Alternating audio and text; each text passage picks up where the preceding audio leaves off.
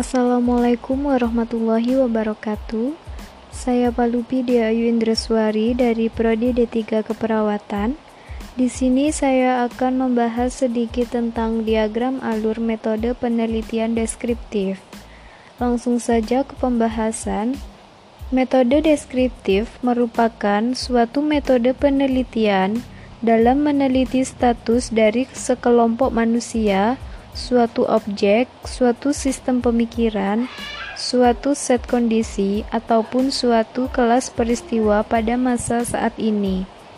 Sedangkan menurut Punaji 2010, penelitian deskriptif adalah penelitian yang menjelaskan atau mendeskripsikan suatu peristiwa, keadaan, objek, apakah orang, atau segala sesuatu yang terkait dengan variabel-variabel yang bisa dijelaskan, baik menggunakan angka-angka maupun kata-kata. Di sini ada tujuan dari penelitian deskriptif, yaitu untuk membuat gambaran, deskripsi, atau lukisan secara sistematis, faktual, dan akurat mengenai fakta, sifat, serta hubungan antar fenomena yang sedang diselidiki.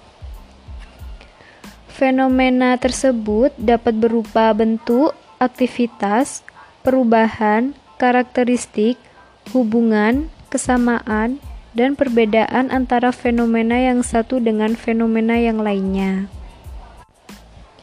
Penelitian deskriptif sendiri tidak hanya meliputi pada masalah pengumpulan dan penyusunan data saja, tetapi juga meliputi analisis dan interpretasi tentang arti dari data tersebut.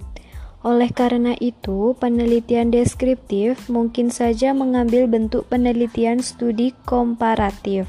Studi komparatif yaitu suatu penelitian yang membandingkan satu fenomena dengan fenomena lainnya. Atau dalam bentuk studi kuantitatif, studi kuantitatif yaitu dengan menetapkan standar penilaian mengadakan klasifikasi dan hubungan kedudukan satu unsur dengan unsur yang lainnya. Adapun langkah-langkah umum dalam metode deskriptif yaitu 1. Menentukan tujuan dari penelitian yang akan dikerjakan. Yang kedua, memilih dan merumuskan masalah. Yang ketiga, memberikan limitasi dari area termasuk di dalamnya daerah geografis di mana penelitian akan dilakukan, batasan-batasan kronologisnya, ukuran tentang dalam dangkalnya, serta seberapa utuh daerah penelitian tersebut akan dijangkau. Yang keempat, pada bidang ilmu yang telah mempunyai teori-teori yang kuat. Bagi ilmu sosial yang telah berkembang baik, maka kerangka analisis dapat dijabarkan dalam bentuk-bentuk model matematika. Yang kelima, merumuskan hipotesis yang akan diuji, baik secara implisit maupun secara implisit. Yang keenam, menulus, menelusuri sumber-sumber kepustakaan yang ada hubungannya dengan masalah yang ingin dipecahkan.